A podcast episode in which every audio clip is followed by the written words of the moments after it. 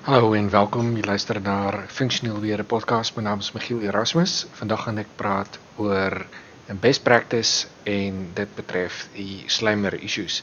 Weet jy wanneer jy vaak wanneer jy issues uh vind in jou uh, issue issue tracking stelsel, maar staan daar soms uh, issues van prio 3 en 4 wat maande oud is of wat ergens in 'n swarte in 'n swart gat verdwyn is. Ek dink dit is 'n goeie practice om elke 2 weke deur al jou openstaande issues te loop en uh te kyk en, te evalueer of sy nog relevant zijn.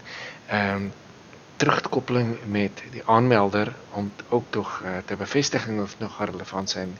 En uh by wanneer jy terugkoppel dan gee jy ook nog miskien nog 'n dag twee tyd om te reageer en daarna kan jy se sluit en dis ook onder vermelding van dat jy die issues gaan sluit en sodoende kan jy jou Topdesk of jou Jira issue bak leeg hou dan.